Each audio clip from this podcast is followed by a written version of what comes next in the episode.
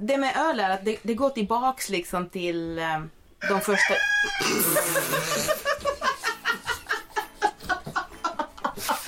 eh, det handlar om att jag älskar...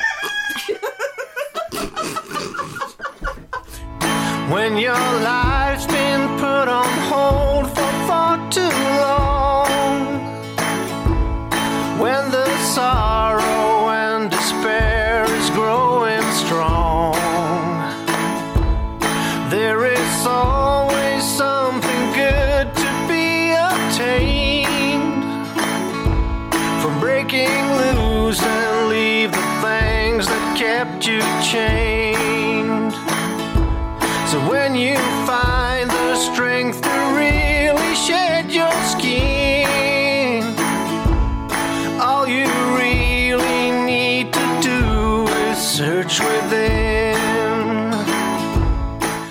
Välkomna till ett rykande färskt avsnitt av Bortom ekorrhjulet. Lite på turné den här gången, eller hur Sara? Ja, alltså vi sitter på en farstutrapp kan man säga i, ehm, i Eldsmark, eller på Eldsmark. Mm. Om man är norrlänning eller inte. I, eh, men ut- utanför Övik. Och dricker kaffe. Förmiddagskaffe. Och vi har tältat i natt här. Mm. Eh, till eh, skönt sällskap av väldigt mycket fågelsnack. Mm. Framförallt väldigt mycket tuppsnack. Ja. Och jag vet inte, den som eh, hör noga kommer höra göken här samtidigt. Och, ja, men det kommer hända saker i bakgrunden, Mm. så enjoy!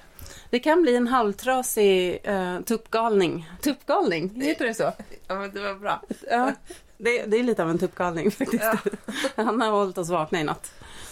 Eh, Det är lite ljust här så att jag, jag tror inte han hade koll på när det var morgon och när det var natt. Nej, men sommarnatten förvirrar honom Mm. tror jag. Ja, vi sitter i alla fall här och eh, idag har vi en eh, väldigt härlig och spännande gäst rakt över bordet. Välkommen Sanna! Tack! Kul att vara här! Mina tältgrannar. Åh, Sanna, jag måste ju ställa första frågan till dig. Innan vi berättar vem du är och så. Men du gjorde ju din premiär taktältsnatt. Berätta, hur känns det? Nej men det känns bra. Jag känner mig... Eh, jag frös inte. Jag älskar ändå att det var lite så här kyligt på morgonen. Ehm, det var rätt bra att vara i taktält. Jag måste säga att jag gillar absolut taktält nu mer än vanligt tält. Vad skulle du säga är skillnaden? Men bara att mentalt vara lite uppe i luften tyckte jag var lite skönt. Ja. Um, känner man sväva lite, så eh, flygande matta. Nej, taktält. Mer taktält. Kommer det bli natt redan? Älskar att taket är som en flygande matta. Gud vad gött. Ja. Mm. Jag, jag har ju då haft ett marktält mittemellan era två taktält. Ja. Men det var mysigt det också, bara veta att ni fanns där Ja. uppe i luften. Vakade över dig med Ja. ett vakande öga för varsin, varsin taktält. Man kan säga att jag hade markservicen, så ifall det skulle komma någon så hade de tagit mig först. Ja. Ni hade liksom hunnit vakna till liv då. Ja. Jag, jag tänker alltid att när man sover i marktält att det ska komma någon älg och inte ha koll på sina ben och fötter liksom och bara snava över tältet. Men det som har hänt i taktältet det är att när vi stod liksom väldigt nära ett kalhygge, långt bort från civilisation, då kom det en jävligt stor fågel alltså. Jag vet inte om det var ja, tjäder, orre, vad som helst som ville typ landa på taktältet. Då skrek jag så att eh, Danny, min kille, fick tinnitus. Och det har fortfarande inte gått över eller? Nej men det, är de här, nej, men det var de här vingslagen och man märker att något tungt ville landa så här ovanför en. Bara, nej men stopp och belägg fågel, inte här. Flyg iväg. Eh, Den sanna bilden av vildmarkslivet. Ja, exakt. Mm, det är inte så glammigt. Nej, Det är tinnitus och ja, tuppgalningar. ja, exakt. Men Sanna, vem är du om du skulle få beskriva dig själv? Oj, vilken bra fråga. Jag, jag brukar nog alltid inleda med att säga att jag är en finlandssvensk. Eh, men, som, men som bor i Sverige. Ifall någon inte hörde det. Ifall någon inte hörde det. Ehm, och sen är jag just nu ganska... eh, Jag har blivit en fjällperson. En aspirerande fjällperson. Tror jag. Jag vill också säga att jag är. Ehm, och sen ehm, är jag en kundupplevelsenörd. Om man tänker professionellt. Och privat så, så hoppas jag att jag är en bra vän. Det var en spännande presentation som jag aldrig har gjort på det här sättet. Nej, Nej, så var det. Fint, tycker jag. jag tycker också det var härligt. Ja. Jag var tvungen att ta in det lite grann och begrunda innan, eh, innan alla dessa följdfrågor. Det var så mycket. Bra vän. Kundupplevelsenörd. Ja. eh, och aspirerande fjällperson. Och det är lite det vi ska prata mer om idag på sätt och vis. Mm. Vill du dra lite kort, liksom, vad, vad menar du med det? Eller vad, berätta vad du är just nu då. um, nej men om jag tänker vad jag var för ett år sedan eh, så bodde jag i centrala Stockholm i en, i en tvåa eh, och hade precis sagt upp mig eh, från ett så här klassiskt Stockholmsjobb. Eh, högt, hög, hög chefsroll, mycket personalansvar. Satt, satt i ledningsgruppen för bolaget, jobbade mycket. Eh, men valde att, valde att säga upp mig och utan att ha nästa plan liksom. Och eh, visste inte riktigt vad jag ville göra. Eh, men kände att jag behövde en paus. Och det enda som jag kände att jag faktiskt ville göra, det var att sälja bärs. Så att jag ringde en kompis som hade startat en uteservering i Stockholm precis. Och fick sälja lite öl där. Och när jag hade stått där ett par veckor kände jag så här, äh, men jag behöver något ännu mer. Jag behöver göra det här på en, på en annan plats. Och då började jag googla. Eh, och Google ledde mig då till Abisko. Dit jag sen tre veckor senare tog min bil och åkte och hade aldrig varit förut och skulle ta en paus på tre månader, söka nytt jobb därifrån, uh, återvända till Stockholm i september sådär. Men, men så blev det inte. Utan jag blev i Abisko i, i tio månader och gjorde också vintersäsong där. Och nu återvänder jag inte till Stockholm utan, utan ska flytta till ett, eller har precis flyttat till ett annat fjäll istället. Ja, det, det här är så Jag känner att det är många frågor här längs vägen. Men jag kände så här, hur ställer man en, en värdig första fråga liksom? För det sätter ändå tonen. Sara, take it away. Ja, men jag är intresserad av det här, så här, hur känner man att man behöver en paus? Så att, att våga lita på den inre känslan och inte bara, nej men jag kör på här för att jag är ju ändå här i Stockholm och jag har ju min så här, vet, klassiska norm, normativa liv och karriärstege och bostadsmarknaden är liksom att jag har mitt space där. Mm. Jag tror att eh, jag tror att det är två saker. Dels tror jag att jag behövde en paus. Jag tror att jag kunde känna i min kropp att jag behövde en paus. Det fanns liksom signaler i kroppen som sa att du har kämpat hårt och du har kämpat länge, nu måste du andas. Och det kommer inte gå över med en liten härlig weekend eller bara lite semester liksom hemma i Finland. Det här behöver något mer. Det här behöver liksom vara en paus på riktigt från allting där kroppen får ladda om. Um, och att jag kände att var den här pausen ska tas är viktig. Um, och det andra var nog varför jag behövde en paus. Det var nog att jag, jag kände... Jag är en lustfylld person. Jag älskar att jobba. Jag har alltid älskat mina arbetsplatser. Och jag, eh, jag kände inte det. Jag kände ingen lust till att söka något jobb. Och jag blev kontaktad av rekryterare och de la upp så här fina erbjudanden och jobb och jag kände ingenting. Och jag, jag förstod logiskt att de här rollerna borde jag känna starkt för. Det här prickar in mycket av det jag gillar, vad jag har gjort. Det här, det här ska jag bara känna så mycket för. Och jag kände ingenting. Och då, det var nog mer skrämmande än det kroppsliga liksom. För mig. Och då var jag så här, men då är det en, nu är det en paus. Det är det enda alternativet. Eh, för mig. Tänkte du igenom mycket då eh, konsekvenserna och liksom hur ska jag klara mig? Eller, eller var det mer så att nej nu bara jag gör det här? Jag har alltid... Jag är ganska snabb på att ta beslut och jag är ganska handlingskraftig. Och jag, eh, men, men det jag för många år sedan bestämde mig för att om jag någon gång inte... Om jag någon gång vill ta en paus eh, så ska jag ha ett, ett litet kapital, ett fuck off-kapital eh, som gör att jag kan klara mig ett år. Eh, och att jag inte ska behöva då vara i något som är dåligt eller liksom så oavsett vad det skulle vara. Eh, och det där kapitalet fanns ju där. Eh, så, att, så att ekonomiskt så så visste jag att jag någonstans kan vara ett år. Så inte hade jag nu så jättemycket konsekvenstänk. Eh, jag kände mig ganska trygg. Jag kände mig trygg i mig själv. Jag, eh, jag, jag har alltid gått på min känsla och det har gått ganska bra. Så att jag, det fanns en ekonomisk trygghet som jag visste att det här kommer hålla och det fanns en trygghet i mig själv. Så jag bara körde. Och vad var det som fick dig att fastna för just Abisko? Eh, nej men jag ville ju sälja öl.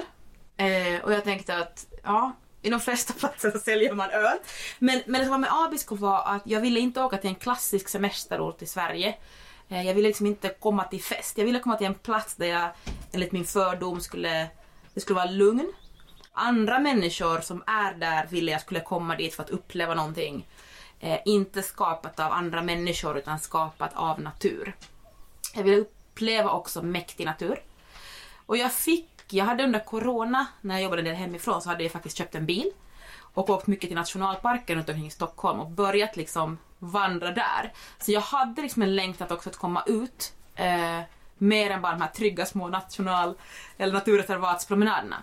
Så att det var liksom en kombo. Och sen, det var en lyckad googling bara. Det är ändå härligt när liksom, ja men det bara blir någonting. Det behöver inte, alltså stora beslut i livet, det är mycket känsla. Och att ja, men man behöver inte liksom hitta det rätta, perfekta stället för det finns så många ställen som kan bli rätta för att man bara råkar hamna där. Och du liksom drogs ju dit av Google men det hade kunnat liksom varit ett annat ställe också som hade också blivit bra fast på ett helt annat sätt. Och jag drogs också dit av att det var 150 mil. Ja, Eh, Det fanns, jag, jag älskar att köra bil det fanns någonting för mig i det här att då åker jag så långt. Jag kan åka dit fortfarande med min bil. Jag kan ha allt jag behöver i min bil. Eh, men jag får köra den här resan. Jag får liksom verkligen fysiskt flytta mig. Eh, det känns också viktigt i den här pausen. Att det var en fysisk flytt ändå någonstans liksom. Ja, jag, jag får- kommer att tänka på den här em, textraden i Maggie Rogers låt. I walked off you. Det lå- låter lite som det fast med bil. Att man så här släpper lite bit för bit medan man kör. På Ja. något sätt. Ja, och det, och det är så. Jag bara ser vyerna ändras. Det är ganska stor vyförändringsskillnad från liksom lilla Essingen där, eh, parkeringen, till när jag kommer till, upp till Abisko och bara ser det här fantastiska Torneträsk, alla fjället, snötäckta topparna. Eh, det var ju otroligt. Otroligt. Direkt när jag kom dit var jag så här, det här är otroligt. Det här är rätt. Jag är också nyfiken, en inflik här. Vad, minns du vad, vad du go- googlade? Liksom? Nej men jag googlade tror jag på så här säsongsjobb, eh, tror jag. Och sen la jag väl till någonting med då fjäll eller vandring tror jag var två ord som då var med där. Mm. För att jag har ju aldrig varit med norr än... Ja, jag har ju kört runt i Finland liksom, så det är det norraste jag har varit liksom. Eh, via svenska sidan. Så att, eh, men typ fjäll och vandring, säsongsjobb tror jag. Öl. Men det här med öl, Sanna. Alltså längtan efter att sälja bärs så som du uttrycker det, är det en längtan du haft med dig förut när du haft det väldigt stressigt? För jag tror vi har alla vår grej som vi längtar efter när vi har mycket. Har du haft med den där? Jag älskar service. Jag, äls- jag, har, jag tycker fortfarande att mina bästa jobb är de här servicejobben där jag har fått eh, jobba i reception eller sälja öl. Jag tycker att det är så otroligt roligt. Det finns någonting låter det här väldigt så, vad säljer, säljer du för? Men så här, mötet med människorna. Ehm, och när man säljer öl i Abisko, då finns det verkligen ett möte med människorna. Det kommer katt. Nu var det en katt här på bordet. Det kom något vitt från skapelsen. Kan eventuellt gnida sig mot micken ifall Ja, någon exakt. undrar. Ja, där kom den. Nej, Sixten, det här är vår mick. Vi tar, vi tar ett litet kattbreak här. Katt.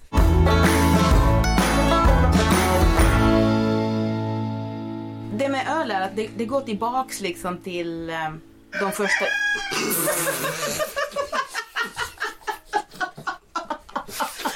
eh, det handlar om att jag älskar... det är otroligt. Livet på landet. Livet på landet. Nej men det handlar inte om, om öl, det handlar om människor. Um, jag älskar serviceyrket att man får möta människor. Ibland får man med dem 15 sekunder, ibland får man eh, 3 minuter, ibland får man 10 minuter. Nej men längtan efter de här samtalen var också stor. Eh, och de sker ofta över en öl, eller de sker i en restaurang, eller de sker på ett hotell och sådär. Och det saknade jag, och det längtade jag efter. Jag älskar meningsfulla samtal och det gör jag i min, i min vardag oavsett vart jag är. Så att jag ville dit, men jag ville på ett sätt där jag bara fick vara jag och träffa människor på en plats där de är bara de. Utan namn, namnbrickor och slipsar och kavajer, utan bara på en plats som är vacker. Och vad händer i det mötet? Det längtar jag också efter. Och det kan jag nog längta efter i, i dessa situationer. Det har jag nog gjort innan. Katta, har du också någon sån grej? Vad, vad längtar du efter när du har det mycket? Ja, men ibland så kan jag faktiskt tänka på... Jag jobbade ju extra mycket på en eh, ICA-butik när jag eh, pluggade. Och det var faktiskt en ganska skön... Jag gillade att minnas, eller komma ihåg de här PLU-koderna som man slår in för allt. Och liksom när man kunde alla, det var väldigt satisfying. Och sen också det här, träffa folk. Jag har nog tänkt så här att jag vill ha något där jag kan stänga och gå hem när jag går hem. När det har varit liksom som stressigast. När man har så mycket ansvar. När jag var projektledare till exempel så fortsatte ju det. Utan då vill bara vad skönt det vore att bara kunna nu är jag, lämnar jag jobbet. Då jag har gjort jag mina åtta timmar Mm. så går man bara hem. Precis. Du då? Ja, men köra pistmaskin tror jag. För det är mycket natt och jag, kan, jag kan älska att jobba när det är helg för det är ingen som kommer att störa mig då. Det är liksom ingen som förväntar sig något av mig. Så på natten det är ingen som förväntar sig något av någon som jobbar natt för alla andra sover. Det tror jag. Ja, äh, ha världen för sig själv. Ja. Men det känns som att du då, när du um, ville tillbaks till det, att det verkligen var så här tillbaks till kärnan i det du gjorde. Kändes det så? Som att du hade, hade byggts på för många lager? Eller? Nej men det kändes som att där jag var yrkesmässigt, då var jag ju liksom på toppen av det man kan vara när man jobbar med kundupplevelse. Jag fick jobba strategiskt och hjälpa andra och leverera det vi hade lovat till kunderna och sådär. Eh, Men nu vill jag tillbaks själv till, till, till hantverket. Där det skapas och sker liksom. Och jag, Ehm, jag får fortfarande en kick när jag säger så här, ah, men den här gästen blev faktiskt nöjd. Den går härifrån och den, har, den kände också att det här var ett fint möte eller en fin plats. Ehm, så ja, det var, det var tillbaka till kärnan. Att få gå och servera. Och det kändes på ett sätt som ett, ett självklart steg. Det var ganska självklart att återvända dit. Och det var asroligt. Mm. Det är intressant ändå för jag tror, eller som jag har tänkt att just när man vill ta en paus från något så vill man till något helt annat som inte har alls med det att göra. Men du tappade aldrig liksom passionen för grunden i det du gör utan Nej. behövde bara lite andra kontraster eller? Exakt, jag tror det ligger så djupt rotat i mig. Jag, jag älskar verkligen kunder, det är det jag brinner för och jag, eh, eh, jag kände ju på något sätt att jag kom, jag kom hem väldigt mycket. Eh, både jabisk och liksom rent mentalt men också så här att jag fick göra det. Min paus handlade mycket om att inte se en dator, inte höra ordet strategi eller budget, inte få en slacknotis klockan 23 på kvällen. Jag vill också, precis som du sa, jag vill också göra mina timmar, sen vill jag gå hem.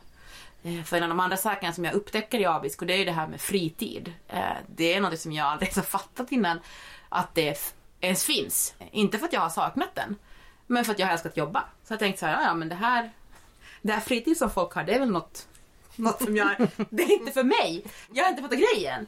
Eh, Och till exempel det hittade jag ju i min, i min paus också.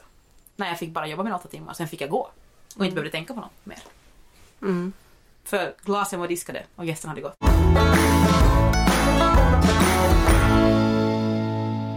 Du bestämde dig för en paus. Du googlade. Du körde jättemånga mil bil. Du hamnade i Abisko i ett år.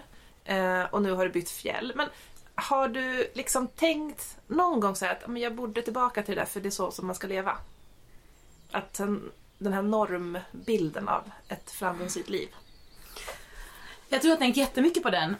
Och jag har varit i, framförallt då i, under hösten så, så var jag i rekryteringsprocesser och jag sökte väl aldrig något jobb men det var folk som ringde och hade hört att jag ska återvända men eh, jag saknade aldrig Stockholm. Jag har inte under hela den här tiden i Abisko saknat Stockholm. Jag har saknat mina vänner i Stockholm. Eh, stundvis väldigt mycket. Men jag har aldrig saknat Stockholm. Jag har inte saknat att kunna gå på konsert eller kunna ta den här spontana ölen. Eh, Jag var hemma och svängde i Stockholm i oktober. Älskade då att ta den spontana middagen på stan med kompisarna eller fika på liksom vilket, bakom vilken knut som helst. Det var fantastiskt. Men när jag var i Stockholm så, så saknade jag Abisko. Mm. Ehm, kanske inte Abisko som plats nödvändigtvis utan just det här fjället och lugnet och känslan av att... Men jag hittade någonting som, som kändes hem i Abisko. Eh, i, I fjället liksom. Eh, I de vyerna. Och den, den andra kvällen, min andra kväll i Abisko så, så badade vi bastu. Alla vi, vi som jobbade i, i kök och, och eh, restaurang och så frågade en av de här tjejerna så här ehm, What's your story? Why are you here? Och så svarade jag att eh, jag hade liksom inte riktigt sagt var jag kom ifrån. Jag ville bara vara Sanna, jag ville inte liksom vara en vandrande livskris, vilket jag egentligen var. Så jag, så jag svarade att så här, Well, I, eh, I quit my job and I didn't know what to do so I'm a little bit lost but I end up here. Och så säger hon, eh, well Sanna, then I want to say welcome home. Here we all are lost. Och det intressanta i den här stunden, i den här bastun, är när hon säger så här, men vi alla vilsna. Jag det är få gånger i livet som jag har träffat en grupp av människor som är så otroligt landade. De är så, de är vilsna ur samhällets perspektiv, för vi har brutit en norm, vi har valt ett annat sätt att leva. Men, men de är så landade de här människorna som jag mötte i den här bastun så att det var, det kändes tryggt. Det, kändes, det var min första känsla, nu är jag hemma liksom. Um, för så är det ju att man, eller åtminstone för mig, att så här, nu vill jag ju omge mig med människor som också har valt den andra vägen. Jag har inget behov av att rättfärdiga mitt beslut till höger och vänster. Jag, jag tror inte att Stockholm är för alla. Jag tror inte att fjäll är för alla. Eh, men jag är väldigt medveten om att jag, jag bryter normer liksom. Eh, och vill inte heller försvara det i oändlighet liksom. Eh, men jag hoppas inspirera fler att kanske utforska vad är samhällets normer och vad är dina egna? Eh, Jag trodde att jag inte var en fjällperson. Jag ägde inga outdoorkläder, jag hade liksom inte den garderoben. Och nu har jag börjat bygga på den och jag säger men jag klarar ju de här sakerna, jag kan vara en sån här person. Och det är nog häftigare än någon karriärsteg jag någonsin har tagit.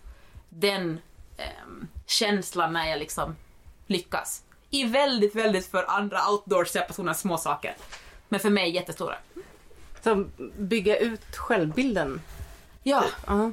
vem är jag när jag inte är ehm, den här personen som springer på möten och har en kalender full? Vem är jag när jag går på fjället själv? Eh, solen i ögonen och bara njuter. Jag måste inte gå två mil. Ingen prestige i det. Ehm, jag kan gå två kilometer så länge jag njuter. Ehm, och det finns något väldigt hälsosamt i att, i att klä bort alla lagren som man har byggt på under åren. Och det är inte att jag inte har varit sann mot mig själv innan eller att det är inte riktiga Sanna som folk har lärt känna. Så, så känner jag inte. Men för mig själv att eh, utforska min egen bild och tänja mina gränser på riktigt. Som inte kanske ens har varit mina gränser utan som någon annan någon gång har så här, men nu lever du ett Stockholmsliv och då lever man så här. Liksom. Mm. Hade du en, en bild av innan hur du liksom skulle eh, göra den här pausen? Eh, eller hade, du- hade du satt upp någonting? Hade du någon tanke kring det? Eh, en viktig del i den här pausen var att inte göra som jag brukar göra. Så jag hade låtit mig själv att när jag ska... För jag jobbade ju där så att jag hade bestämt att jag får inte vara driftig, jag får inte visa framfötterna och jag ska bara ställa mig i ledet. Det var en sån viktig sak som jag tog med mig. Eh, det andra i min paus var att varje dag skulle jag skriva dagbok, eh, en fysisk dagbok. Och jag skulle inte börja söka jobb förrän halvvägs in i den här tre, första tre månadersperioden. Så det fanns vissa såna här förhållningsregler som jag la för mig själv. Lite för att hjälpa mig själv bryta mönster. Tillkom det någonting sen längs vägen? Ja, men det tillkom sen att jag inte skulle söka jobb förrän i mars. så jag bara kött på det. Men, ehm, nej, men det tillkom också att tillåta mig själv, för när jag då var där uppe i Abisko så där finns ju en annan norm av alla de här fjällpersonerna som är eh, supererfarna och duktiga och det ska vara långt och häftigt och, och, och, och där ville jag tillåta mig själv att njuta av fjället på mitt sätt. Ehm, det ska alltid få vara njutningsfullt. Inte för den skull att det inte är jobbigt att gå upp för, en, för ett fjäll eller så, men, men jag ska göra det för att jag vill, inte för att jag nu måste för att jag är här. Utan jag ska behålla ja, men den här samma lustfullheten som jag har i mitt jobb. Jag, det ska behållas liksom, det måste vara lustfullt.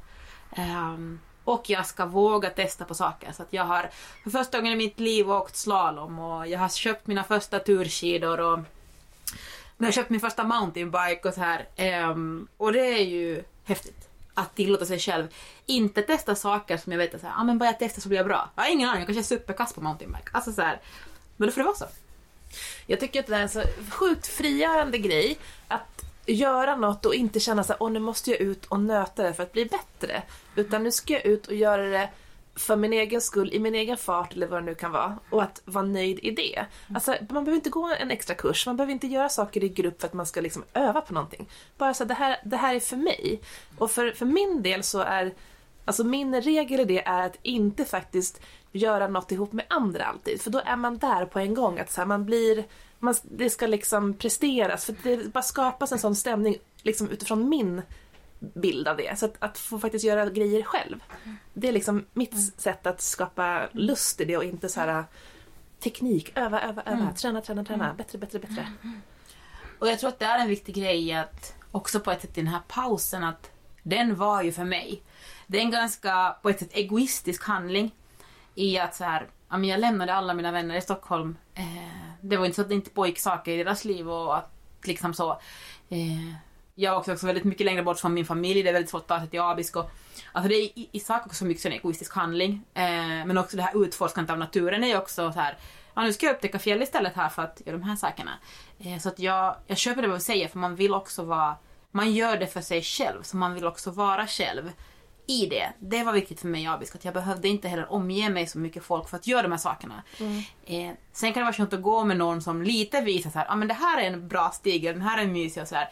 Men det finns någonting i att få göra saker själv och bara för sig själv på sina egna villkor. Eh, det var också någonting som jag tror var ganska nytt för mig i det här hela.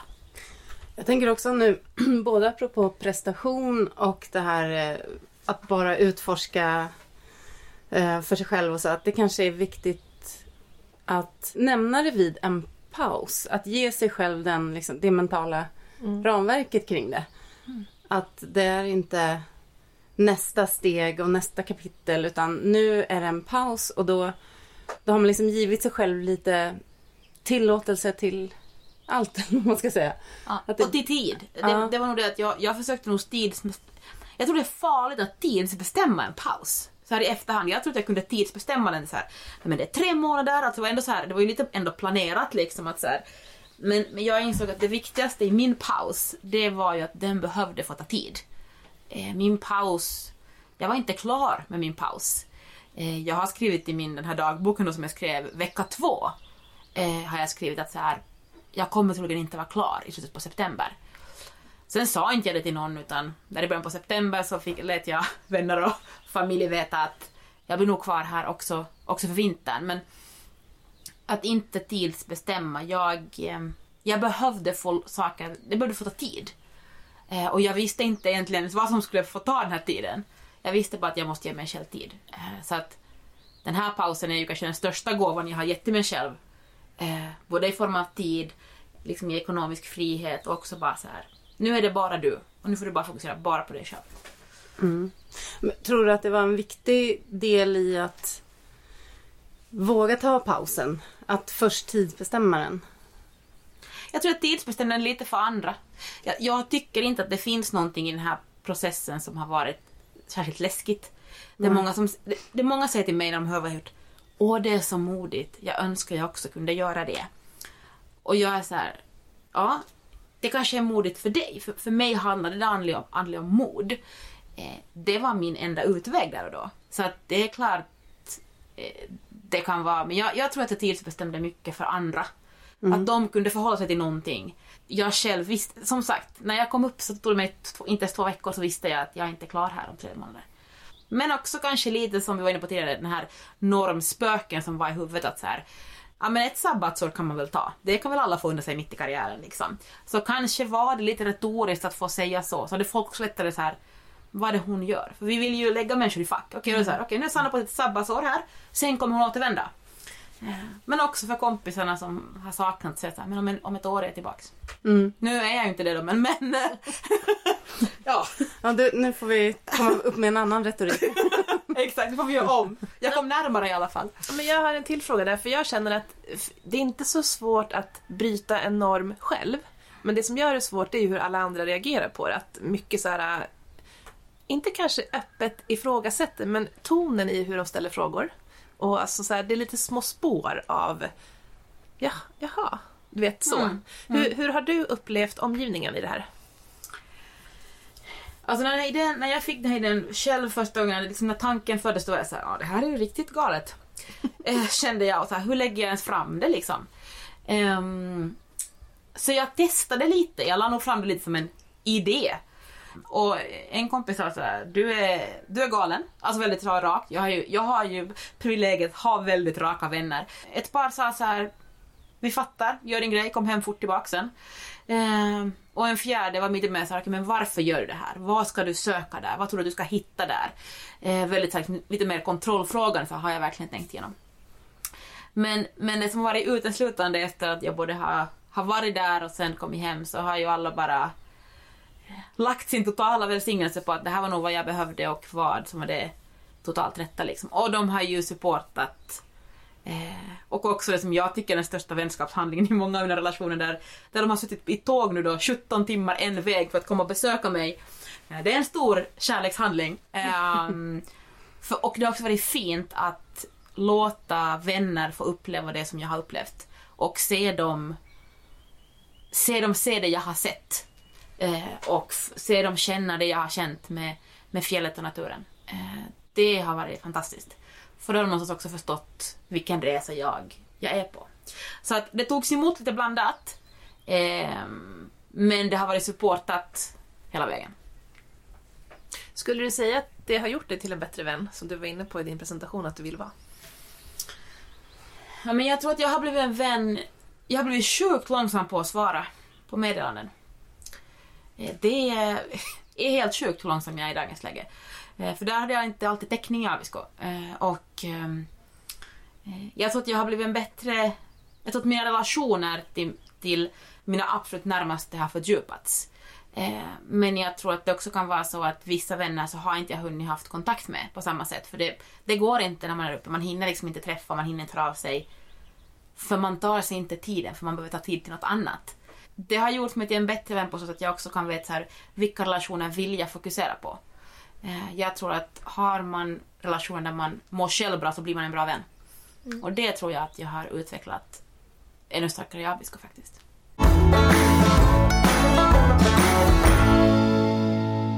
Nu känner jag att det är spännande att fråga. Är du fortfarande i en paus? Eller har det gått över i någonting annat? Eh, nej men nu... Jag, jag är klar med min paus. Det kom en känsla eh, kanske där under april. Där jag kände påtagligt att nu är jag klar. Jag började längta till de här sakerna som eh, att vara driftig igen, att driva saker, att eh, göra avtryck och intryck. Jag började längta tillbaks till att få föreläsa. Eh, det, det kom. Jag visste ju inte om det skulle komma. När jag tog den här pausen så var det så här, det kanske blir en paus att jag kommer stanna här och, och kommer fortsätta jobba på den här restaurangen liksom. Men det kom tillbaks. Så att nu skulle jag säga att liksom, pausen är avslutad men ehm, insikterna och effekterna är ju påtagligt kvar eh, och har påverkat det som händer nu efter pausen. Men ja, pausen är klar. Mm. Och har vi, har vi nämnt någon gång när den började förresten?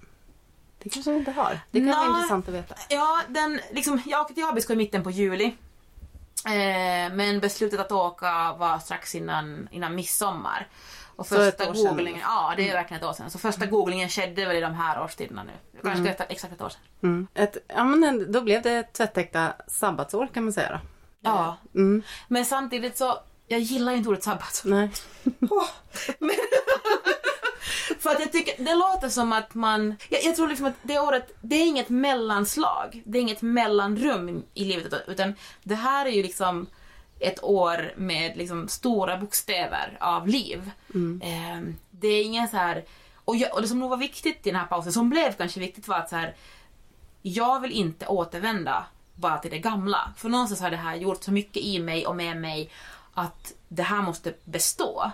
Ehm, så att, så att eh, ja, ett, ett sabbatsår. Men också med liksom, insikter och effekter som kommer bestå i mitt nästa steg. Liksom. Eh, så att jag trodde kanske jag skulle återvända till Stockholm. Jag, jag vet inte, men nu blev det inte så. Men eh, ett år av liv, helt klart.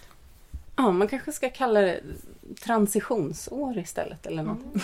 Högtravande. Men Katta, jag blir nyfiken nu. Är du i ett sånt här eh, stadie av liv? Nu? Jag tänker, du har ju liksom... Jag skulle inte säga att du är en vandrande kris. Men, Då kom det en komplimang. men jag tänker att du har ju nyss avslutat någonting för längtan efter något annat. Mm. Och du är just nu i ett... Alltså nu blir det ju väldigt svårt med orden, för om man säger mellanrum så låter inte det helt som att det är värdigt Nej men du får nog. se.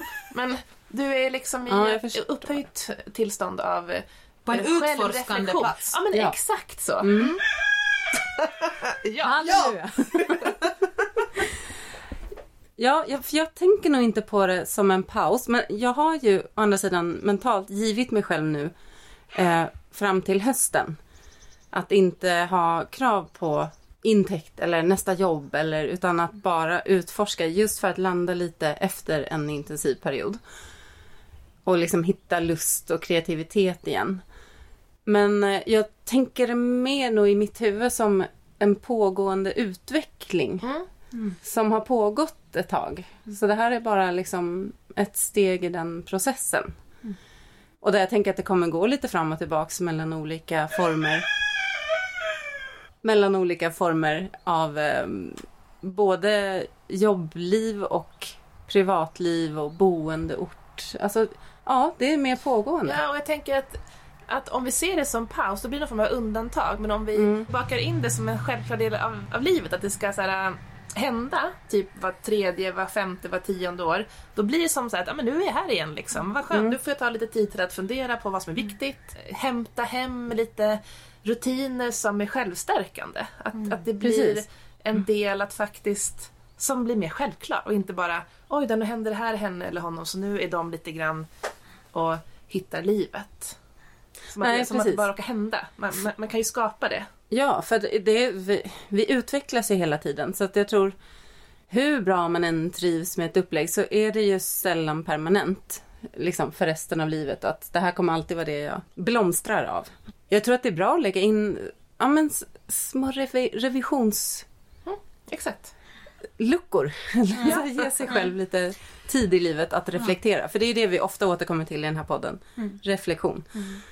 Men också låta sig själv att, att ändra sig. Jag, jag, jag tycker att ju, ju äldre vi blir så har folk så stort behov av att ja, men nu har jag en gång bestämt den här vägen så nu ska det alltid vara så. Eller nu har jag skaffat barn så nu kommer det alltid vara så. Och så här, och, och vi, precis som du sa, vi människor ändras och vi utvecklas, alltså kommer våra beslut också göra det. Det är liksom så oerhört naturligt. Man får ändra sig. Jag har liksom typ i min det här sagt nu så här, ja, jag kanske kommer återvända till Stockholm. Vem vet?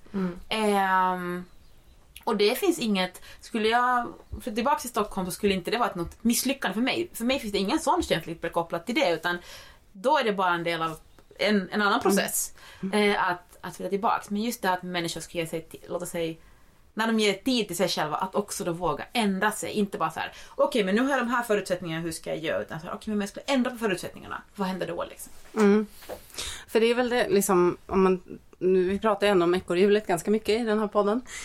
Och för mig är det mycket att bara um, springa på och fortsätta i en cementerad både självbild och uh, liksom en bild av så här är mitt liv. Då ibland så blir det sådana där plötsliga, där man inser att nej, nu, nu måste det bromsas och göras nytt. Och då kanske det blir lite mer drastiska förändringar. Medans ibland så har man ju mer av en pågående reflektion och gör små ändringar då och då. Men det är viktigt att få den där reflektionen ibland. Därför Ja. att annars så, så snurrar man bara på och fortsätter. Och jag tror också att reflektion för mig är ju mycket att så här, för att kunna reflektera så måste man kunna ställa rätta frågan. Ehm, och ibland tror jag att när vi människor har riktigt bråttom så okej jag måste bara liksom lösa situationen, nu ska jag reflektera. Men då har man inte ställt rätt fråga för att, för att kunna göra rätt, reflek- rätt reflektion. I reflektion så finns ju inget rätt eller fel, men jag tror att det finns frågor som är rätt eller fel. Och då kan reflektionen ta fel riktning om vi inte är på en plats där vi också är öppna på så här, ja, men vad är det egentligen som jag nu vill ta beslut om? Eh, Så att det inte blir på symptom utan det blir på grundorsak och så här. Hur hittar du de frågorna då? Jag försöker tänka att de måste ställas så neutralt som möjligt. eh, Och så objektivt som möjligt. Eh, Och det ska finnas liksom plats för att utforska. Om det är en fråga med lite heller så här gränser, då har man redan styrt in den reflektionen på ett spår. Så att, så att ehm, jag tror på så öppna frågor som möjligt. Sen är ju det svårt i sig då. Då kan det bli en väldigt svår reflektion. Men jag tror att om man ska på riktigt så här låta kreativiteten och känslan och lustfullheten ta plats så måste frågan vara ganska öppen och ganska stor. Och känna inåt då. Mm. Jag kommer att tänka på den frågan som du tycker om att ställa och som Pernilla tog upp i förra Mm. avsnittet. Vad längtar du efter? Mm. Det är en härlig fråga. Det är en härlig fråga. Ja. Och den är ju inte... Den är ganska vidöppen. Den är vidöppen. Mm.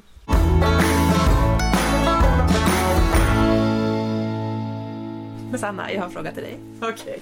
När du upplevde den här känslan av att vara klar, vad googlade du på nu sen ta nästa steg? Nej men jag är så kung på att googla. Nej men jag... Eh, eh, nej men det är ju återigen internet som gör att jag tar det här nästa steget. Det är en slump. Eh, många, många olika saker men, men det är ju en gemensam vän till oss alla som sitter här som, som tipsar mig om en, om en plats som söker en, en marknadschef eh, i fjället. Och från det så skickar jag ett mail och sen blir det ett spontant möte och, och, och på den vägen är det nu sen då. Så att, så att det var också tack vare internet. Eh, och det är väl ändå det magiska i att leva bortom ekorrhjulet, att så länge man har bra wifi så är hela världen möjlig. det ska man ju ändå ha med sig. Eh, så att det blev ju internet som ändå gjorde det. Vad Ja. sjukt. Så det var inte i Abisko som själva nästa steg hittades på, utan det var på internet. Jag får en association till den här tärningsspelaren fast eh, liksom en bok som heter Googlaren istället. Vad ska mitt nästa drag i livet vara? Googlat. Men jag tycker också det här med slump, det är ju ett dåligt ord. Jag tänker så här preparation meets opportunity på något sätt. Du hade ditt nätverk, du var... Ja, och det fanns en väldigt, det som också blev ändå en längtan, för att när, när jag är där i fjället så, så kommer ju ändå tanken i Abisko att så här, men vad vill jag göra, vad ska nästa steg innehålla? Och, och den branschen jag alltid har älskat och där jag liksom mm, har mått bäst och där jag mår bäst, det är besöksnäringen. Och jag har ju tänkt att den här besöksnäringsdelen, att den ska jag göra sen när jag är pensionär. Ja, ni hör, jag ska aldrig sluta jobba. Men då, då har jag ju haft den här min dröm om att äga en egen hotell. Den har funnits med mig ganska länge liksom. Eller någon liten, ja, bed and breakfast, vad det nu kan vara. Men sen plötsligt i Abisko så insåg jag att det är ju besöksnäringen i, som jag ska vara i. Eh, åtminstone på något sätt och till någon procent. Eh, så att... Och det var ju det mina ögon sen började titta på när längtan kom. Så nej, det var ju faktiskt inte slumpen. Eh, utan det fanns en längtan eh, efter att få stanna i besöksnäringen. Eh, Det var, få det var en riktad kompetens. googling. Det var en riktad googling ändå. Återigen, man måste ha rätt fråga för att få rätt svar. Ja. Så att, eh, ja. Kan vi beröra en fråga apropå, för att när jag flyttade från Stockholm, eller så här, i storstäder finns det någon form av bostadsnorm också. Eh, och då tänker jag på en bild ur så här valfri inredningstidning. Det ska vara så perfekt och avskalat och cleant och så här snyggt. Och det är så här självklart att man ska bo själv liksom, för det är någon form av rättighet tror vi. Och sen då när man flyttar utanför stan. Det är så skönt och befriande på något sätt så här att fan vad långt ifrån ett inredningsreportage jag är just nu. För att det finns inte en chans att man kan liksom upprätthålla den här eh, sjukt dumma bostadsnormen. För att man hamnar på helt andra ställen. Det är liksom inte en tidning. Utan eh, det är oftast eh, att man bor trångt. Eller så kan man bo stort ute på landet. Men då bor man inte så jättevitt och fräscht och rent och eh, spikrakt liksom. Det är ganska härligt mm, att liksom tänka så att nej men jag behövde inte ett perfekt hem för att vara lycklig. Nej, och jag... För mig har liksom ett fysiskt hem aldrig varit så viktigt. För mig med känslan av hem och den får jag ofta hos människor, liksom andra människor som skapar en känsla av hem. Men att komma upp till Abisko och liksom vara ändå då 35 och flytta till ett personalboende, bo på 8 kvadrat, eh, ha den här sängen som säkert är så här från glada 70-talet och lakanen matchar inte och, och du har liksom ditt liv i de här tre IKEA-väskorna. Men jag saknade inte ens mitt hem, vilket jag, vilket jag ändå trodde lite jag skulle göra. Det jag saknade var kanske så här bra förvaring, men, men, eh, men jag saknade inte heller de sakerna jag hade packat ner. Nej. Nu ska jag ta tag i mitt förråd här nästa vecka och jag, så här, jag vet att jag saknar två plagg. Som jag har liksom så här, jag bara, de två ska jag med. Men resten av de lådorna och påsarna, jag har ingen aning vad som finns där, jag har inte saknat det. Och egentligen skulle jag bara vilja så här, ta det. För det, det är också så här att den här bostadsnormen. Jag älskade min lägenhet i Stockholm. Men det var inte det som var grejen uppenbarligen. Utan det var ju någonting annat, det är vad man fyller hemmet med. Och att få bo i kollektiv med människor från hela världen, i alla åldrar. eh, Jag tror jag var för gammal för det. Men det var jag inte, utan även där fick jag de här samtalen och höra de här historierna, hur de har hamnat där. Och, och så insåg jag att min livskris, det är ju norm här. Och det var också befriande. Ja, det är som alla andra. Ja, för Inte så jävla unik. Ja. Men det var också skönt att i den här pausen ta en paus från hela den här... För jag hade tänkt köpa större lägenhet. Det var ju mitt nästa steg egentligen i Stockholm. Att släppa den. Jätteskönt. Var det någonting, ja det är kanske det då, men under det här eh, året nu då, är det någonting som har förvånat dig? Oj, vilken, vilken bra fråga. Um, det, som- jag tror, det som jag tror att har förvånat mig är hur många människor som jag inte har pratat med på många år som har kanske svarat på en story på Instagram eller någonting och så här Gud vad jag önskar jag kunde göra det du har gjort. Och då har jag tänkt så här. Jag kom ju hit för att jag hade livskris och behövde också helas och lekas lite från den det jag hade liksom varit med om och, och hur mycket jag hade jobbat att, och, och jag såg inte så, så jättepositivt egentligen. Men hur jag inser hur många människor som har den här viljan, den här längtan och då skulle jag bara vilja säga, gör det. Alltså så här, bara gör det. Sen behöver det inte vara ett år, det kan ju vara... Det var en kvinna som, som jag jobbade med som hon eh, hade vuxna barn och hade alltid drömt om att säsonga men det hade aldrig varit läge. Eh, och hon skulle också fota. Så hon hade tagit då en 60% tjänst då på samma ställe som jag var på. Eh, jobbade där på dagarna, fotade på kvällarna och hade sagt till sina man och barn, ni får inte komma och hälsa på. Nu ska det vara mitt säsongsliv. Och så gjorde hon det i tre månader. Och, och sånt inspirerar mig så enormt. Eh, så den blir mest förvånad över hur många som längtar efter det här. Men hur så få då gör någonting åt det. Och då är jag så här, då vill jag ställa motfrågan, men vad, vad skulle du behöva för att du skulle kunna göra det här då?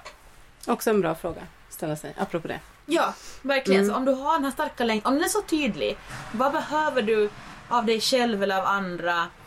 Det krävs absolut förstås, ekonomi är säkert en sak och har man barn, men och nu projicerar jag säkert någon här, men det är också bara ursäkter. Ehm, det går att planera och det går att styra liksom. Eh, och det går att hitta sätt. Sen kanske inte kanske nu, här och nu, det kanske behöver tid. Men jag tror man ska försöka skala av ursäkterna så långt bort som möjligt. Tror du då att man kan... ehm, vi pratar ju ofta om att man kan göra små förändringar i sin vardag. Eh, snarare än att, att göra ett jätte-giant leap. Tror du att man kan göra på liknande sätt med en paus? Ja, det tror jag. Eh, Jag tror att jag, min första steg i den här pausen, det var det här när jag köpte min bil. Eh, Det är ju väldigt orimligt att ha bil i Stockholm när man bor i innerstan. Men det fanns en längtan om att komma ut. Så jag tog den här bilen på lördagar och söndagar till ett naturreservat och gick omkring där. Kanske en timme eller två hade med mig fika. Jag tror ju att det redan var det här första steget till det här. Um, nu i efterhand kan jag se på det så. Uh, och jag tror att man ska bara i Stockholm är det så högljutt och i alla storstäder, det är så mycket ljud. Det är så mycket brus, det är så många tidningsartiklar och det är sociala medier och, och så vidare. Det finns inte tid att höra sig själv. Eh, det finns inte tid att höra vad behöver jag egentligen. Så jag tror att det liksom, att om man kan hitta en plats i vardagen, oavsett om den är fysisk eller in your head, eh, i ditt huvud. Att hitta den här platsen för det där lilla. Det tror jag är... Det jag har gjort det är liksom extremt, jag har ju väntat på det på allt. Jag tror inte att man måste göra det. Om inte det är det man längtar efter. Jag tror de där små sakerna är ännu viktigare. Man blir ju aldrig klar. Det blir man inte. It's an ongoing process. Yes. Nu så här i, vi har ändå konstaterat att pausen är över. Har du eller kommer du liksom summera det här? Eh, och hur i så fall? Summera pausen. Ja, Det finns nog kanske en, en dröm om att kunna summera pausen på något sätt. Ehm, eh, och vad den har gett. Eh, jag tror att man kanske kan, kan bevittna det om man känner mig eller så. Men eh, ja, det finns nog en längtan att kunna summera pausen också mer tydligt. Också, också inte minst för just hur många som har hört av sig och sagt att de kunde göra det här. Jag tror att det är... Jag tror att de här historierna behöver berättas eh, och upplevas. Eh, kanske också genom andras upplevelser. Liksom. Så Mm. ja. Jag tänker att vi eh, avslutar med två väldigt bra frågor som, eh, som du har nämnt, Sanna. Dels, eller vi nämnde ju en fråga. Sanna nämnde en fråga. Vi måste, måste också få lite cred för bra frågor. det tycker jag verkligen. Verkligen. Ja, men så här. Ta fram ett anteckningsblock, du som lyssnar. Och sen så skriver du första frågan. Vad längtar du efter? Och sen så ska du även skriva den andra frågan. Vad behöver du för att få mer av det du längtar efter? Och sen så svarar du på de här två frågorna. Från hjärtat. Inte logiskt. jättebra. Har du lust så får du också jättegärna dela de här svaren. Eh, antingen i vår Facebookgrupp, Bortom ekorrhjulet när, var, hur. Eller eh, skicka till oss på Instagram. Eh, Bortom ekorrhjulet heter vi där. Det, det kan bli väldigt eh, intressanta svar på sådana frågor. Sanna, vill du lägga till någonting? Om vi tänker att vi har lyssnare här nu som kanske både provoceras och lockas av eh, den här pausen. Ja, då skulle jag vilja fråga vad är det som provocerar dig? Men det är inte det som... Eh, jag tror att vi människor eh, en av de sakerna som jag ändå tar med mig från det här året och, och från det att jag faktiskt tog den här pausen, det var insikten på att vara snäll mot mig själv. Eh, och, och förlåtande mot mig själv. Det finns någonting i det hela där, i- just de två sakerna, när den här pausen faktiskt började och, beslutet om pausen togs. Och att strunta i normer. Eh, det var när jag gav mig själv tillåtelse att vara snäll mot mig själv och förlåta mig själv. Och det tror jag att man ska ha med sig oavsett om man står i en paus eller om man står i en hektisk jobbvardag eller om man är småbarnsförälder eller om man är en precis nybliven pensionär eller vad man nu är. Så, så de två sakerna tror jag att vi, vi övas upp för lite i det. Så det vill jag nog göra ett medskick om. Fint. Verkligen. Tusen tack för att du ville vara med. Och eh, vi ska väl också tappa, tacka Tuppgalningen för gästspelet. och så ska vi tacka Sven Karlsson och Epidemic Sound för musiken. Och vi hörs igen om två veckor. Så återstår väl bara att säga hej då. Hej då!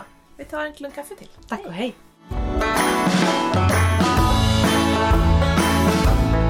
When the